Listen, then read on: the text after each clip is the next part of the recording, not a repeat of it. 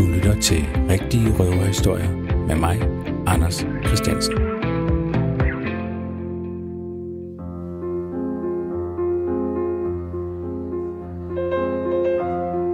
ved ikke, om I har lyst til at starte aftenen med lidt champagne. Det lyder dejligt. Øh, jeg er i bil. Jeg skal bare have en øh, dansk mand øh, uden citrus. Uden citrus, ja tak.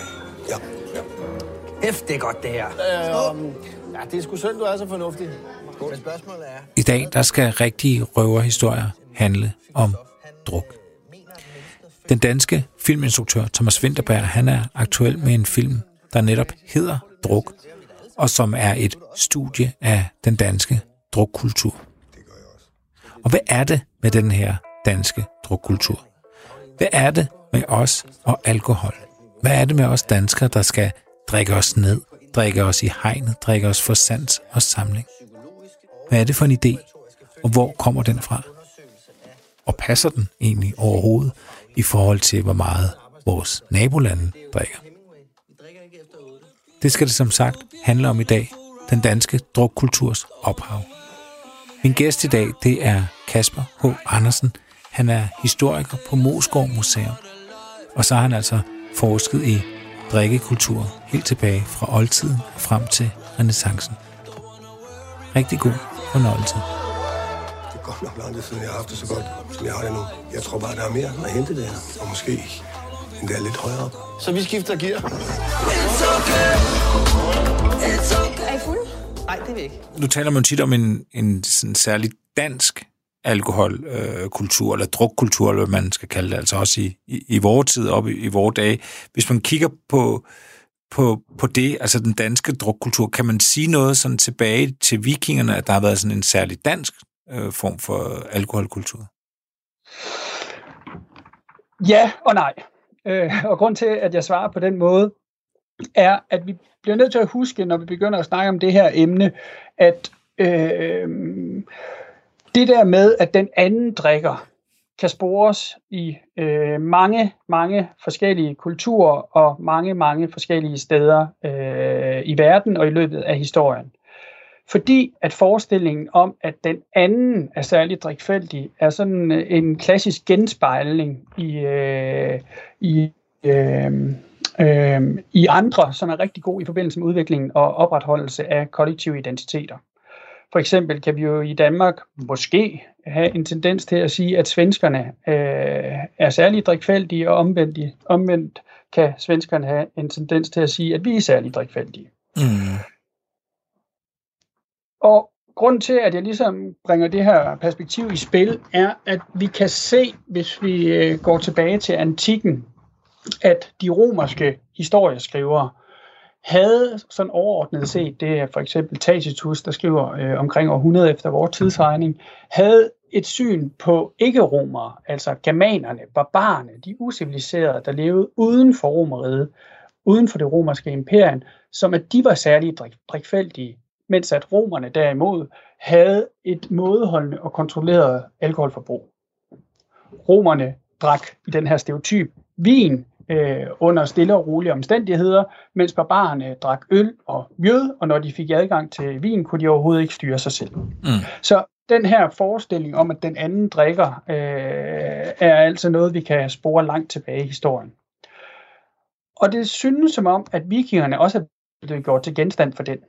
Fordi at øh, hvis vi kigger på de samtidige kilder fra 8, 900 og 1000-tallet, øh, primært nedskrevet i det nuværende Frankrig og i øh, England, så kan vi se, at der er flere gange, hvor at de her fremmede barbarer og usiviliserede, ikke-kristne, kommer, ankommer, øh, øh, og at det bliver beskrevet, at det er en særlig drikfældig gruppe.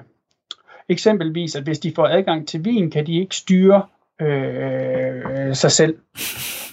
Og øh, det er altså en dimension af det, man lige må have en mente, fordi at øh, på den anden side øh, er det også sådan, at hvis vi, hvis vi kigger på de skriftlige kilder, øh, er der en, kan der nok ikke kaste nogen tvivl om, eller det kan der ikke i mine øjne, om at man øh, i Norden i øh, øh, vikingetiden og ind i den tidlige middelalder, øh, sådan frem til 1200-tallet i hvert fald, har haft en særlig drikkekultur blandt elitens medlemmer. en drikkekultur, hvor det at drikke sammen øh, stemplede eller konsoliderede sociale bånd og hierarkier, øh, etc. Øh, og hvor at det at kunne drikke meget, øh, før man faldt om, ligesom også var noget, der spillede ind i den her maskuline kriger øh, identitet eller kultur, der har været fremherskende på det tidspunkt. Mm.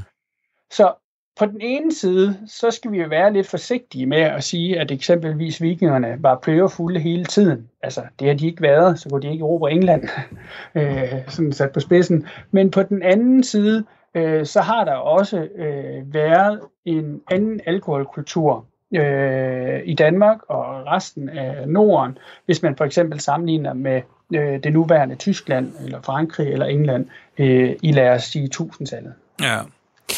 Jeg, jeg er nysgerrig på, Kasper, hvordan, øh, og det er man tit som dansker, hvordan udenlandske kilder har kigget på, på det her med, med danskerne og, og druk. Hvad har du af eksempler på, på omtaler af det?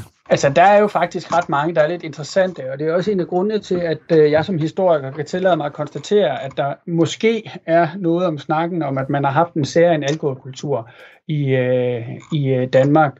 Fordi hvis vi sådan kigger ud mod øh, de omkringliggende øh, kristne store øh, nationer, øh, det nuværende Tyskland, Frankrig og England igen, så kan vi se, at i 11- og 1200-tallet især bliver der skrevet flere kilder øh, nedskrevet flere kilder øh, i de her områder, hvor danskerne bliver øh, beskrevet som drikfældige. Og de bliver ikke bare beskrevet som drikfældige, de bliver også øh, portrætteret på en sådan måde, at det at være meget beruset ligesom er et helt særligt dansk kulturtræk. Vi har eksempelvis en meget interessant kilde, øh, der er nedskrevet i øh, England i 1100-tallet, og øh, en historiker, der hedder William, William of Monmouth, øh, som i midten af 1100-tallet skriver, øh, eller forsøger at give en historisk fremstilling af optakten til, øh, øh, til det første korstog øh, mod det hellige land, der finder sted i øh, 1090'erne. Og øh, William her beskriver øh, øh, på storslået vis, hvordan hele øh, den vestlige øh, øh, kristenhed er opildnet af den her religiøse ild, og at øh, man opgiver det, man har gang med, øh, for at drage ned og befri det hellige land. Og da han ligesom skal beskrive det, hvordan den gennemsyrer forskellige folkeslag, den her idé om at befri øh, det hellige land og Jerusalem, så skriver han, citat, Tiden var kommet, hvor veliseren stoppede med at jage i skovene. Skotten forlod sine velkendte lopper, danskeren afbrød sit langstakte drikkelag, nordmanden efterlod sin diæt af rå fisk. og øh, det kan man jo trække lidt på smilebåndet af, men den er jo interessant, fordi at øh, øh, Wilhelm, hvis vi nu øh, ser hans kilde, eller hans øh, skriv ikke så meget som en historisk kilde til øh, optakten til, til korstoget, men til hans egen samtid, så kan det her meget vel være en afbed eller en refleksion af, hvordan øh, mænd i de elitære miljøer, som Wilhelm var en del af, har set på danskerne, altså i øh, 1100-tallets øh, England. Mm. Og øh, vi ved eksempelvis, at det, det her med, at nordmændene øh, skulle have efterladt deres øh, diæt af fisk, øh, jo meget simpelthen må hænge sammen med, at øh, tørfisk var en meget, meget vigtig øh, eksportvare øh, for Norge på det her tidspunkt, til blandt andet England. Øh, vi ved også, at der var store skovområder i øh, Wales, hvor at valiserne jagede, ikke? Og så påstår han altså, at det der er serien for, for danskerne, er øh, deres øh, drikkekultur. Mm. Mm.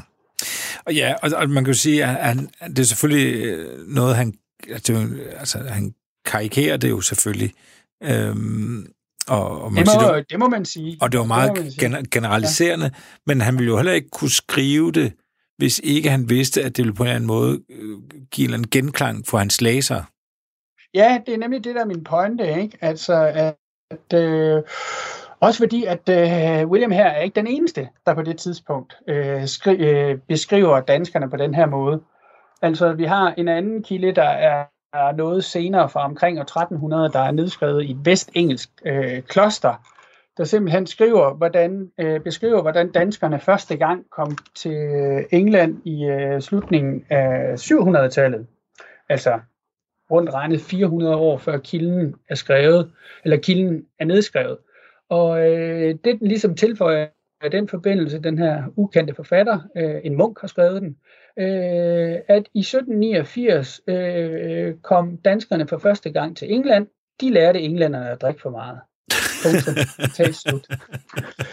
øh, og øh, munken, der sidder i det her vestengelske benediktinerkloster øh, omkring år 1300, øh, har jo ret i, at øh, ifølge de historiske analer, er på det her tidspunkt danerne fa- faktisk kom til England første gang. Ikke? Mm. Altså, det er jo det, man plejer at anse som begyndelsen af vikingetiden.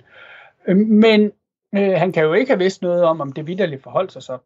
Nej. Tværtimod, så må han igen, som du siger, altså ligesom øh, skrive noget, som han i hvert fald har kunne øh, tilskrive danerne, ikke? I det her tilfælde. Også, at de drikker for meget. Ja de lærte englænderne at drikke for meget. Er det sådan, at også englænderne, der har brug for en undskyldning, siger, det er danskernes skyld, at vi, vi, vi drak for meget? Ja, eller ja, ja. hvordan man skal... Ja, det skal man jo, øh, undskyld, men det skal man jo huske at have med øh, i øh, tankerne, ikke? at der er jo masser af eksempler på, at englænder eller øh, øh, franskmænd eller sådan noget også bliver beskrevet som drikfældige i, øh, i løbet af middelalderen. Ikke? Mm. Øh, altså vi har blandt andet i 1400-tallet øh, en øh, diplomat fra Venedig, der er ved et, et af de tyske hoffer, øh, og han skriver øh, hjem, ikke, at en, øh, en ædru tysker bliver anset som en dårlig tysker.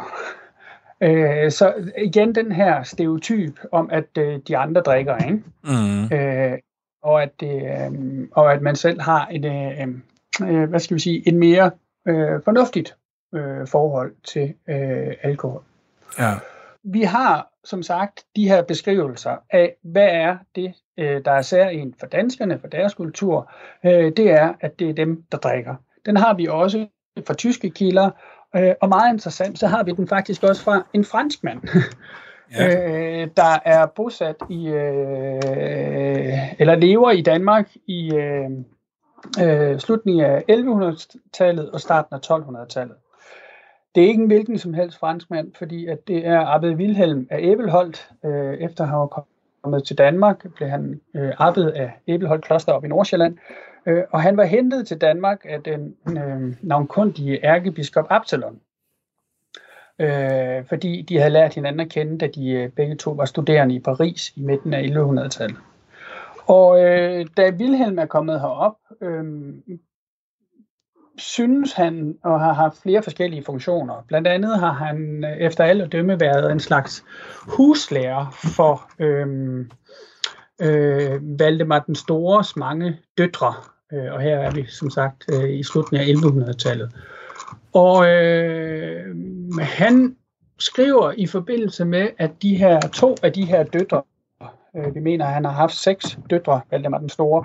Øh, fire af dem bliver gift med udenlandske fyrster, og to skal så indtræde i et nonnekloster på Sjælland, sikkert i øh, Roskilde øh, eller måske i øh, Slangerup. Og øh, der skriver han øh, simpelthen sådan en skrivelse til dem, som vi har overleveret, øh, før de skal i øh, kloster. Og der skriver han direkte, at øh, selvom det nu er kutyme øh, at søge tilflugt i rosten her i dette land, så er det altså noget, de skal øh, tænke sig meget godt om, om de fortsat skal gøre, når de nu træder ind i et kloster. Og det er altså også et eksempel på det her med, at der er en udlænding, der ligesom kigger øh, ind på danskerne og karakteriserer dem som drikfældige. Mm. Eller i hvert fald, at de har en øh, alkoholkultur, der er anderledes end den, han selv har oplevet i Frankrig det lyder som om, at ikke, altså det er ikke så meget det, at de drikker, men øh, at man drikker for meget. At man ikke kan styre sin brændert. At det er det, der er dansk. Ja, ja, det er det i hvert fald her, ikke?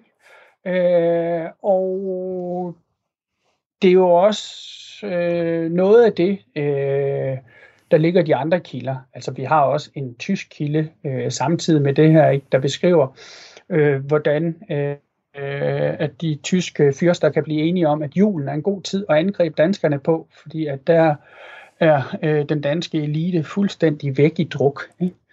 øh, øh, og sådan kunne vi blive ved.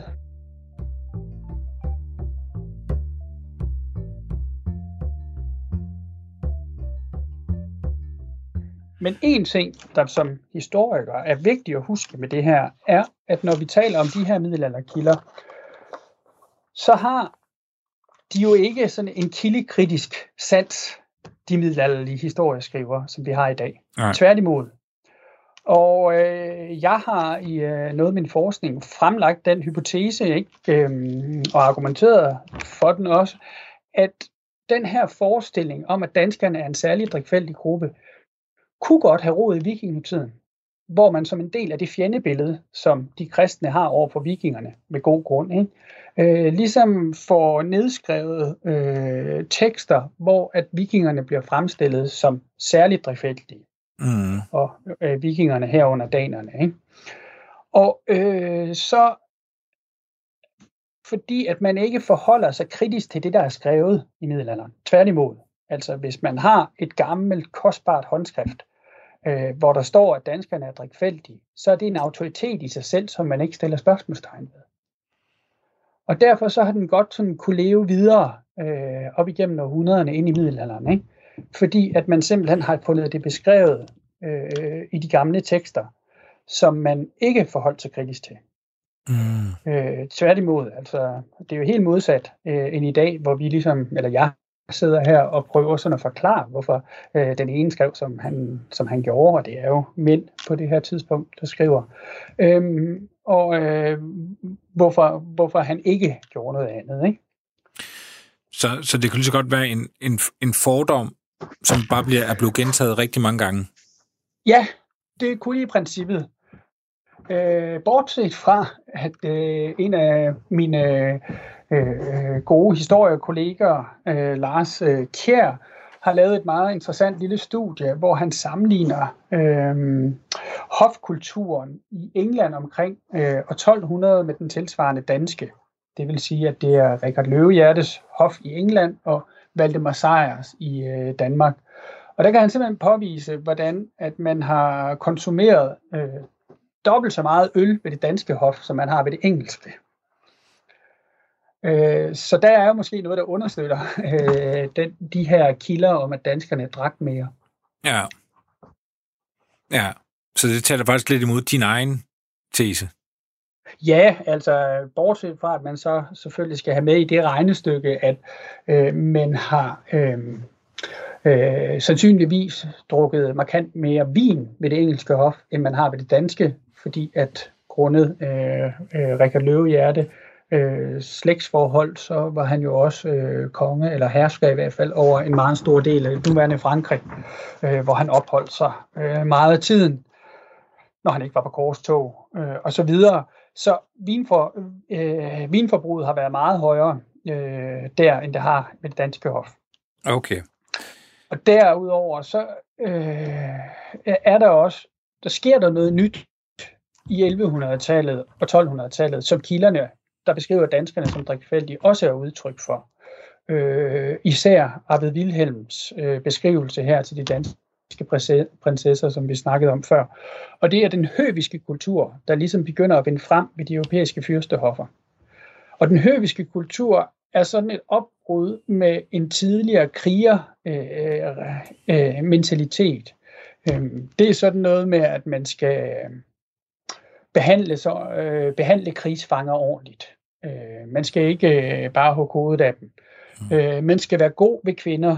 Øh, man skal kortisere dem, og man skal være god til at danse. Øh, man skal have gode bordmanerer. Og så drikker man sig selvfølgelig ikke plørefuld. Mm. Altså sådan en helt ny øh, bevægelse i, øh, blandt øh, eliten i Europa. Og den kan vi tydeligt se i kilderne også vinder indpas i Danmark. Øh, men der bliver den ligesom også kombineret med en traditionel nordisk kultur, fordi at øh, drikkekulturen eksempelvis øh, vedbliver helt klart og øh, fylde meget øh, hos den danske elite øh, langt op i, i, øh, i middelalderen og mm. længe derefter for den sags skyld. Mm. Nu, nu har vi kigget lidt på, hvordan man fra udlandet så på, på, på danskernes druk. Ved man noget om, hvordan man i Danmark selv forholdt sig til det at drikke? Ja, altså øh, det gør vi, fordi at hvis vi for eksempel tager de høbiske aler øh, af hele den her, hvad skal vi, nye, hvad skal vi kalde det, middelalderens øh, Emma Gad, eller sådan noget, ikke? for at folk kan have noget at relatere til. Det er jo rimelig tydeligt, at det binder sig op til øh, nogle kristne idealer. Og øh, efterhånden som kirken bliver øh, velkonsolideret i det danske samfund, så får vi også ligesom de første øh, øh, tiltag til en eller anden form for øh, regulering af alkoholkulturen, øh, i hvert fald på det moralske plan. Fordi at øh, kirken øh, maner til mådehold. Kirkens folk maler til mådehold, fordi at det kan jo gå gode galt, hvis øh, man drikker sig for fuld, Øhm, og derfor øhm, bør folk afsky den her synd. Altså, det øh, kan jo også, øh, med, med kirkens folk kunne jo, kunne jo henvise til de 10 bud. Mm. Øh, så det er sådan et, et eksempel på, at man internt øh, regulerer det, eller i hvert fald forholder sig negativt til øh, den alkohol- eller drikkekultur, øh, der er i middelalderen. Ja. Men så nogle deciderede beskrivelser øh, hvor danskere, på i hvert fald øh, i 11-1200-tallet, har beskrevet drikkekulturen. Der har vi, så vidt jeg ved, øh, kun en enkelt. Og det er vores berømte øh, Saxo, øh, Grammaticus, krønikeskriveren, der skriver i øh, tiden omkring år 1200. Og her må vi huske, at Saxo projekt, som han i øvrigt havde fået af før omtalte ærkebiskop Absalon, var ligesom at skrive sådan en forherligende Danmarks historie, som skulle sidestille danskerne med de andre store kulturfolk i Europa. Selvom at man først for nylig var blevet kristen, øh, Øh, var hans logik, øh, så havde danskerne øh, ret til en øh, stor plads på øh, den europæiske scene ikke? og i den europæiske kristne kulturkreds. Og på den baggrund så kan han faktisk ikke rigtig skrive noget negativt om danskerne.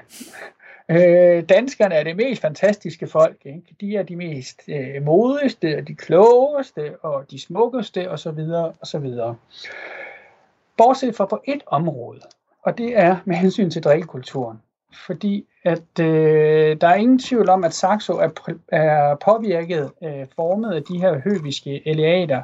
Idealer. Idealer, idealer ja øh, der er i samtiden. Og derfor så omtaler han også den her øh, øh, øh, ukontrollerede øh, drikkekultur, øh, som han beskriver igen og igen i løbet af sin øh, historiske fremstilling, som noget negativt.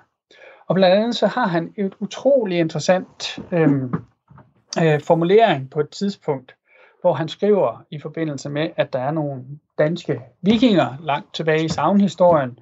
Det er ikke sikkert begivenheden nogensinde har fundet sted. Det har den næppe. Øh, der er på togt over i England. Og så bliver de snydt af de lokale til at komme til et gilde, der i virkeligheden er en fælde.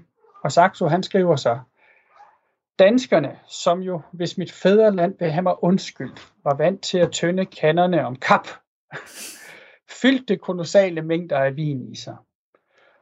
Øh, og der kan vi ligesom helt eksplicit altså øh, høre vores øh, den, vores store middelalderkronikør undskylde på sin landsmands vegne ikke? Mm. for den her druk. Øhm, og den er interessant i lyset af den her, det her meget, meget øh, positive billede, han, for, han i, i øvrigt eller ellers forsøgte at male frem af danskerne. Ja. Så, så kommer han alligevel ikke udenom, at det med drukken. Altså, det, han, Nej. han ville ikke kunne gøre det troværdigt. Nej, det har man jo netop lidt på fornemmelsen. Ikke?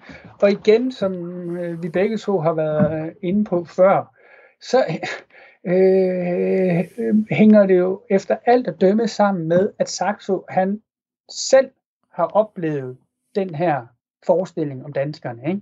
Mm. Og det lærte publikum, og den elite, han skrev til, har også kunne genkende øh, den her stereotyp om danskerne.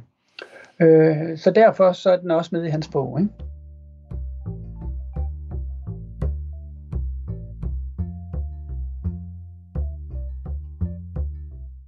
Kasper, jeg, jeg har læst i, øh, i den udgivelse, der handler om øh, drikkekultur i middelalderen, som, som du har øh, været med til at, at lave, og du har også bidraget med et, øh, et kapitel, der hedder De drikfældige danskere.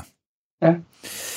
Og, og i den, der blev jeg lidt overrasket over at, at læse, fordi nu hvor at, øh, man kunne få den øh, tanke, at danskerne er rigtig glade for, for øl, så, øh, så er det jo faktisk øh, altså, tysk øl, der er, der er i højeste kurs sådan i, øh, i, i, i middelalderen med omkring 1200-tallet. Ja, og øh, også øh, længe efter 1200-tallet. Nogen vil måske også synes, at det var tilfældet i dag, men...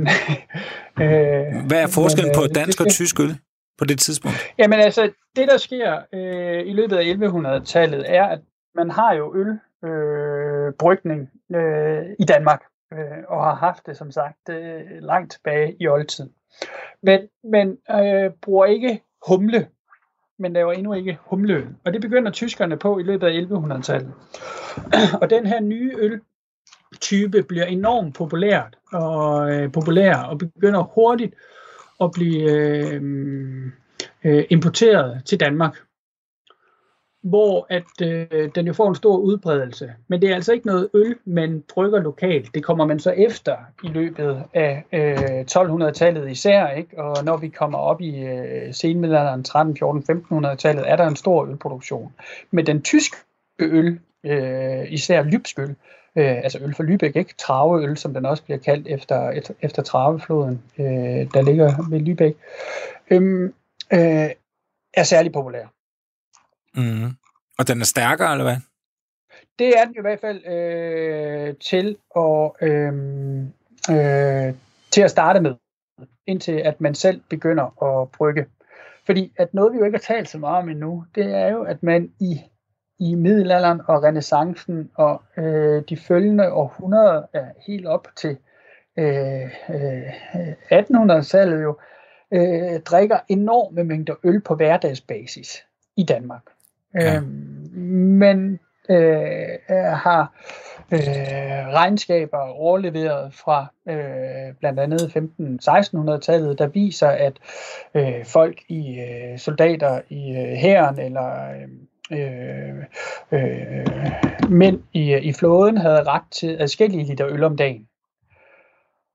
Okay. Noget, man så bare, noget, man så bare skal huske i det her øh, regnestykke, det er, at den øl, man drikker, øh, som simpelthen bliver kaldt, i hvert fald i øh, øh 12-1300-tallet, for hverdagsøl, har ikke en særlig høj alkoholprocent. Men havde ikke adgang til mælk og juice og sodavand og hvad ved jeg i, øh, i øh, langt tilbage i historien, eller ja, helt op til nyere tid. Ikke?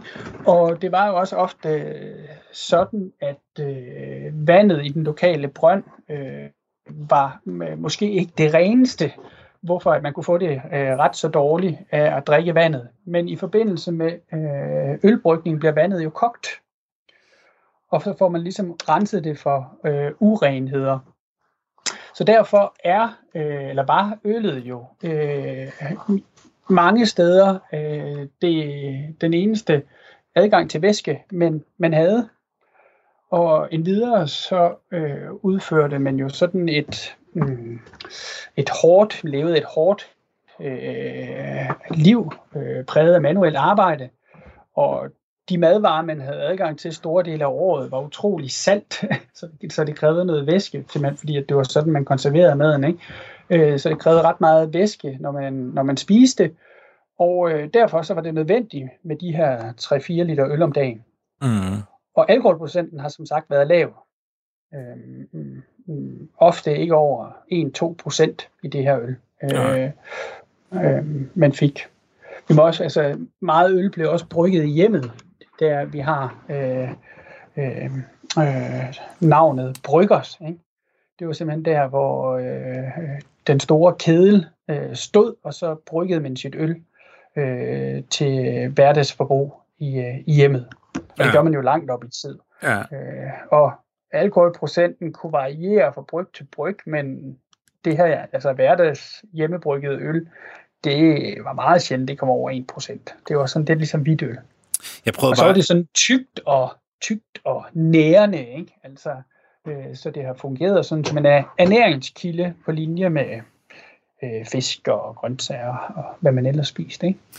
Jamen, jeg, jeg ledte efter, om man kunne finde en, en forklaring på, hvorfor at, at, at danskerne havde ry for at drikke sig mere i hegnet. At hvis de var vant til at drikke sådan noget let hverdagsøl, og så fik noget stærkt tysk øl eller noget vin, og så prøvede, og så drak man det, som man var vant til at drikke. Synes, at man kender det fra J-dag, eller... Ja, og det har vi jo... øh, Det, er- ja, ja, det var en, det var en fin parallel med, med, med J-dag, ikke? Øh, I hvert fald, altså, men, vi har jo en, en, en bonde fra Viborg, der i 1100-tallet oplever en slags J-dag. Øh, da, han, da han kommer ind på øh, torvet i Viborg øh, med sin vogn. Øh, og meget interessant, så det der er på den vogn, det er porse, øh, som han skal ind til byen og sælge, altså det man tidligere havde, havde, havde brugt i øl. Ikke? Øh, og så han så kommer ind øh, til byen, så får han øh, øh, for første gang adgang til øhm, øh, lybskyld, og det øh, dra- drikker han sig så øh, usandsligt beruset i, at øh, kilden beskriver, hvordan øh, de er nødt til at binde ham til, den, til hans vogn, øh, for, for at, at, at få ro på ham. Men det hjælper ikke, fordi han, får bed, han bider sig fri af de der øh, ræb, øh, de har bundet ham til med vognen, og så gentager helt scenarie, altså, hvor han vil slås med folk og råber og skriger og sådan noget.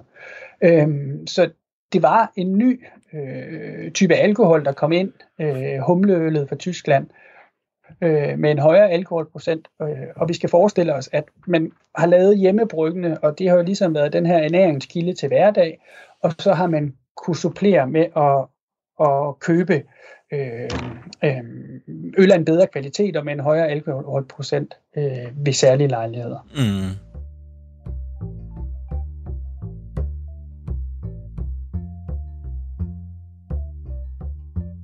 Jeg, jeg, jeg kan se, Kasper, i dit, øh, i dit øh, kapitel, øh, der bruger du også en, en del tid på at tale øh, eller skrive om gilder. Ja, Hvor, hvorfor, hvor, hvorfor gør du det? altså meget kort fortalt, så er de middelalderlige gilder sådan en slags sammenslutning af mere eller mindre ligeværdige mænd, og til tider også kvinder, øh, der ligesom i det her mm, med, altså, næsten statsløse samfund, som plejer hinandens interesser og hjælper hinanden. Og øh, for ligesom at regulere liv i de her gilder, altså det kunne for eksempel være et købmandsgilde, ikke, hvor en masse købmænd gik sammen øh, og plejede hinandens interesser og hjalp hinanden. Øh, for at regulere livet øh, øh, og øh, øh, livet i de her gilder og i øh, organisationen, så havde man sådan nogle gildeskro, som var en slags lovgivning eller regelsæt for det enkelte gilde.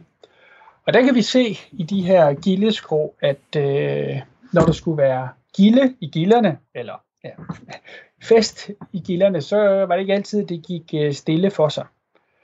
Øhm, Mm. Der er blandt andet bødestraffer i, no, i øh, et gildeskrog om, at hvis man øh, ikke fik øh, noget hjem til sin egen gård, inden man dejsede om, så skulle man betale et mindre pengeløn i bøde, øh, pengebeløb i bøde. Ikke? Øh, hvis man kastede op i øh, drukkenskab, så skulle man også betale til den fælles kasse, øh, og så videre, og så videre. Ja. Og, og, og der kan man jo ikke lade mig tænke, at altså, i de her sammenslutninger eller håndværkerlag, så, så må altså, alkohol have været en vigtig del af det. Ja, uden tvivl, men det er det jo i, øh, i middelalderen. Altså øh, fordi, at øh, hvis man for eksempel indgår en handel, jamen så drikker man i fælles, øh, fællesskab øh, et krus øl øh, eller vin efterfølgende, for ligesom at sanktionere øh, øh, den øh, aftale, man nu har lavet. Ikke? Øh, og sådan er det langt op i løbet af historien, og man kunne sige, at det gør man jo også øh, i dag, i hvert fald på lidt anden måde. Ikke? Altså, hvis øh, to forretningspartnere mødes og sådan noget, jamen, så forhandler man i løbet af dagen, ikke? og så går man ud og får en middag og et glas vin om aftenen, øh, for at, ligesom at sanktionere den her relation. Ikke? Mm. Øhm, så det er, er, er noget, der også går på tværs af perioder. Jeg, jeg sidder jo og, og bliver lidt i tvivl, øh, Kasper, om hvad, hvad, jeg, hvad jeg skal synes her. For på den ene side, så siger du, at det her med, at man kan tale om en dan, særlig dansk øh, drukkultur, det kunne lige så godt være bare en eller anden, nogle, nogle skrøner eller nogle fordomme, der bare blev gentaget i en uendelighed. Men omvendt, så fornemmer jeg også, at, at alkohol jo har været en, en, en stor del af det, af, af det at være, være social og sammen i, i Danmark ja. Uh, siden vikingetiden ja. eller uh, middelalderen. Ja, ja, men det er ikke nemt det her, det medgiver jeg. øh, øh, men altså, man kan, man kan måske forklare det på den måde, at vi, nu vidste jeg jo, at jeg skulle øh, øh, interviews af dig her.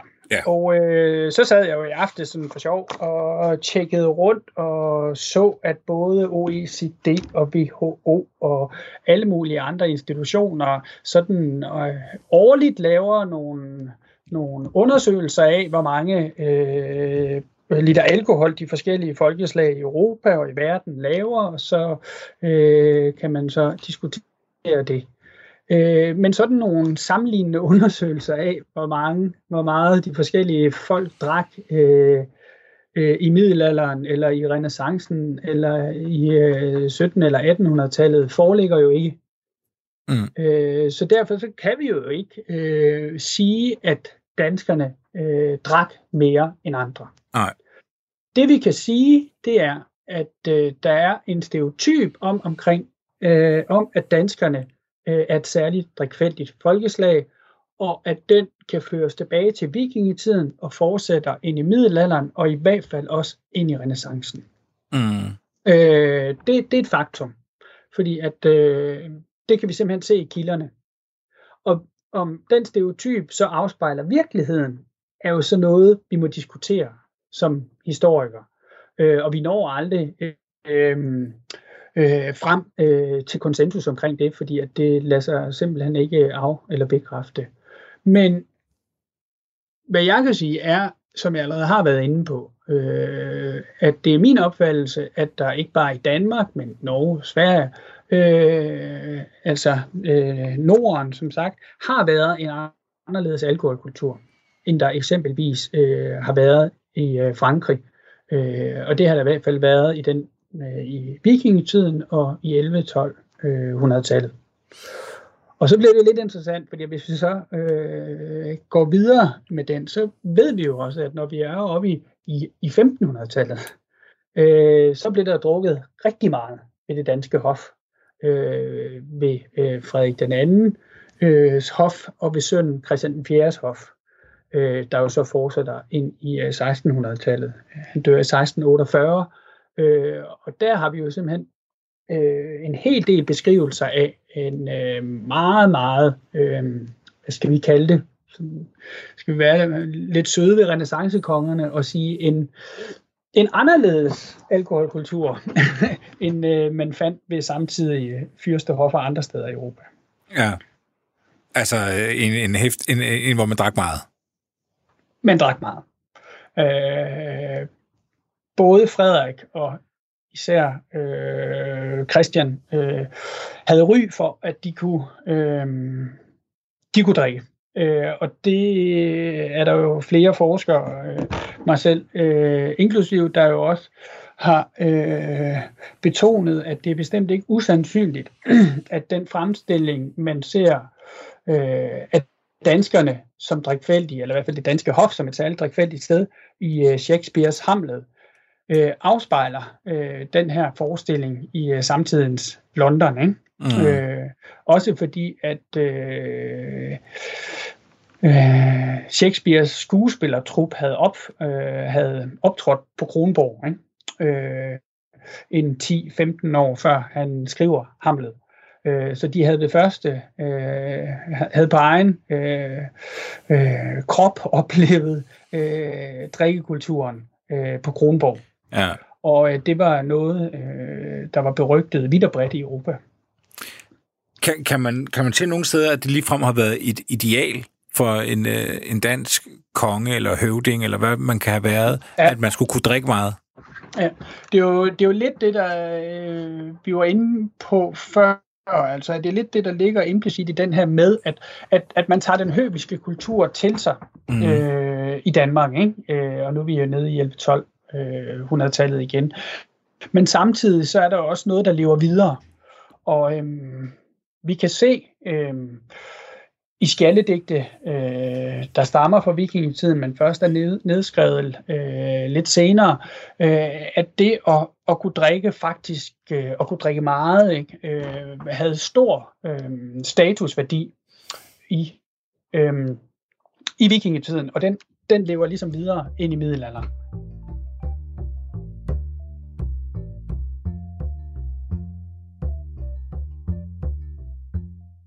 Det helt store spørgsmål er jo, øh, eller det ved jeg ikke, om det er et helt stort spørgsmål, men et, spørgsmål, jeg i hvert fald gerne vil stille, det er jo, altså, det er jo hvorfor?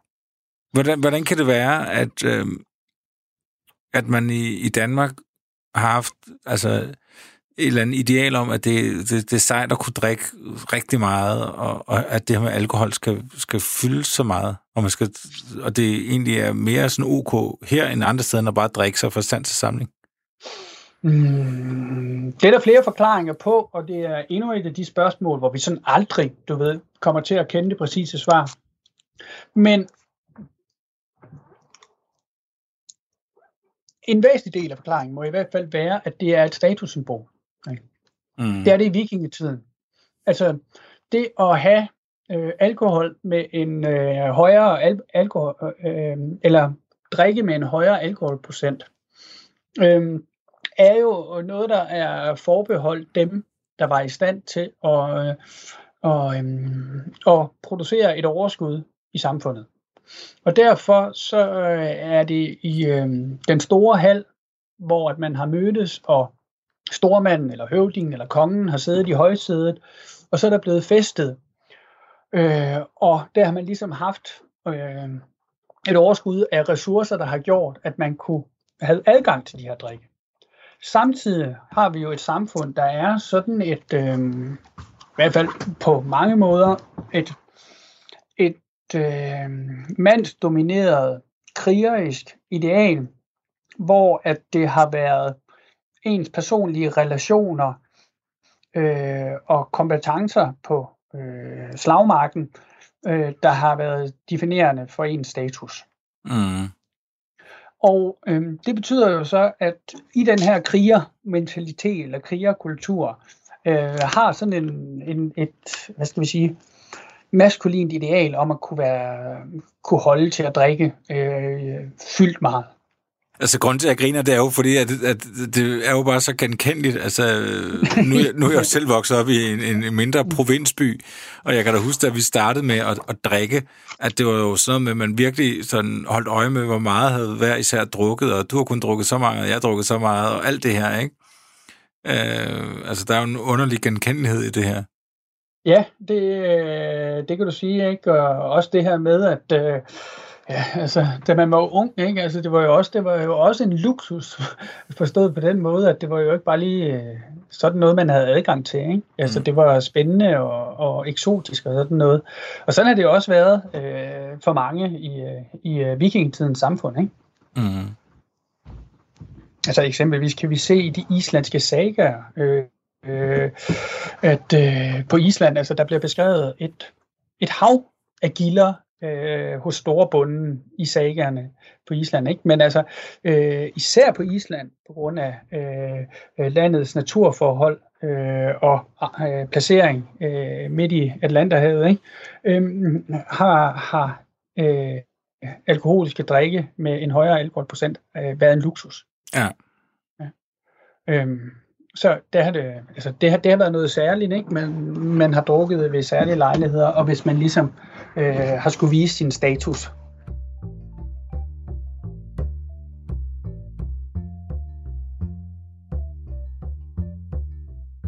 Er der noget for, vor, for, for, for alkoholkulturen øh, fra, fra eksempelvis vikingetiden, som lever videre i dag? Øh, ja, altså igen må man jo sige, at vi skal være forsigtige med at trække de der lange linjer igennem historien. Ikke? Men, men der er jo nogle ting i vores drikkekultur, der sådan øh, øh, går tilbage i, øh, i tid, og hvis ikke til, til vikingetiden, så i hvert fald den følgende middelalder. Øh, blandt andet det her med, at øh, vores øh, ølkultur øh, bliver øh, etableret i middelalderen og fortsætter op til i dag. Og så er der også sådan noget som øh, øh, vores ritual med at skåle med hinanden, øh, hvor vi hilser på hinanden med hver sit glas og øh, siger skål. Og det går tilbage til en tid, øh, det er noget uklart hvornår, men i hvert fald til 1500-tallet, sandsynligvis også tidligere, hvor man jo ikke drak af glas, men man drak af skåle. Nogle gange drak man af hver sin øh, skål. Det kunne for eksempel være en sølvskål, hvis man var rig og en del af eliten, og det kunne være simple træskåle i andre sammenhænge. Øh, en fælles skål kunne også stå midt på bordet, som alle så drak af. Det var for eksempel sådan noget som, som drikkeorden, øh, som øh, der er overleveret en, øh, en hel del af. Ja. Og der var jo ikke noget mere oplagt så, end at sige skål, eller på gammeldansk, eller oldnordisk skal, når man skulle drikke. Øh, og det er simpelthen derfra, at den kommer, øh, vores, vores hilsen og vores ritual med at skåle med hinanden. det der med fællesskålen der, altså en fælles skål, man drak af, det... Øh, altså, det, man får et billede af, man skal hen til sådan et tro og stå og, og stikke snuden ned i, eller hvad? Åh, oh, ja, men sådan har det ikke været. Så lad os altså kalde det drikkekar i stedet for øh, der har stået på bordet. Men altså, det kan også være, at øh, lytterne kan se sådan nogle drikkehorn foran sig, man måske har set på vikingemarkedet eller middelaldermarkedet eller sådan nogen. Ja. Så nogle drak man faktisk af, øh, der gik på omgang blandt folk. Nogle store, flotte, ofte øh, meget øh, fint øh, udsmykkede drikkehorn. Det kommer jeg til at tænke på, altså det må jo også være i forhold til, hvad, hvad druk har betydet. Altså det, at man gider udsmykke et drikkehorn. Ja, men det er jo den her igen med, at, øh, at det er sådan en symbolsk eller rituel øh, handling, det der med at drikke i fællesskab. Ikke? Altså nu sidder vi her øh, og har gennemført et, øh, øh, en handel, eller vi øh, er i gilde sammen, eller vi har været på krigstok sammen, og så om aftenen så sidder man og cementerer det her øh, øh, ved at, at drikke øh, af det samme drikkehorn, der går på omgang mellem øh, de involverede partnere. Ikke? Mm. Så får man ligesom sådan en, en yderligere dimension på, øh, på øh, det, øh, de sociale forhold, man nu har opbygget. Ikke? Mm. Danskerne har et, et ry for at dels at, at drikke meget, øh, og, altså, ja, at drikke rigtig meget, og, og, og ikke være bange for at blive, blive godt beruset. Er det, er det et ry, du, du fornemmer, der stadig forfølger os? Hmm. Altså, der er jo så privilegeret som historiker, at det, det, det behøver jeg ikke at skal have en holdning om. øh, men hvis vi sådan helt, helt uvidenskabeligt for et øjeblik, øh, øh, sådan tænker på egne erfaringer øh, og sådan noget, jamen, så er det da øh, noget, der ligesom, øh, når man er til store internationale øh, kongresser eller sådan noget i udlandet, ikke, så bliver man da omtalt som øh, øh, The Drunken Danes, hø, hø, hø. Mm. Øhm, uanset om man, om man faktisk er beruset eller ej. Men så den der forestilling øh, om danskerne som drikfældige, den, den er, popper jo op, også op i nyere tid. Ikke? På tjekkisk har man et øh, ordsprog om en meget beruset person, at hun eller han simpelthen er fuld som en dansker. Øh, efter sigende skulle det have rodet tilbage i øh, 16-1700-tallet.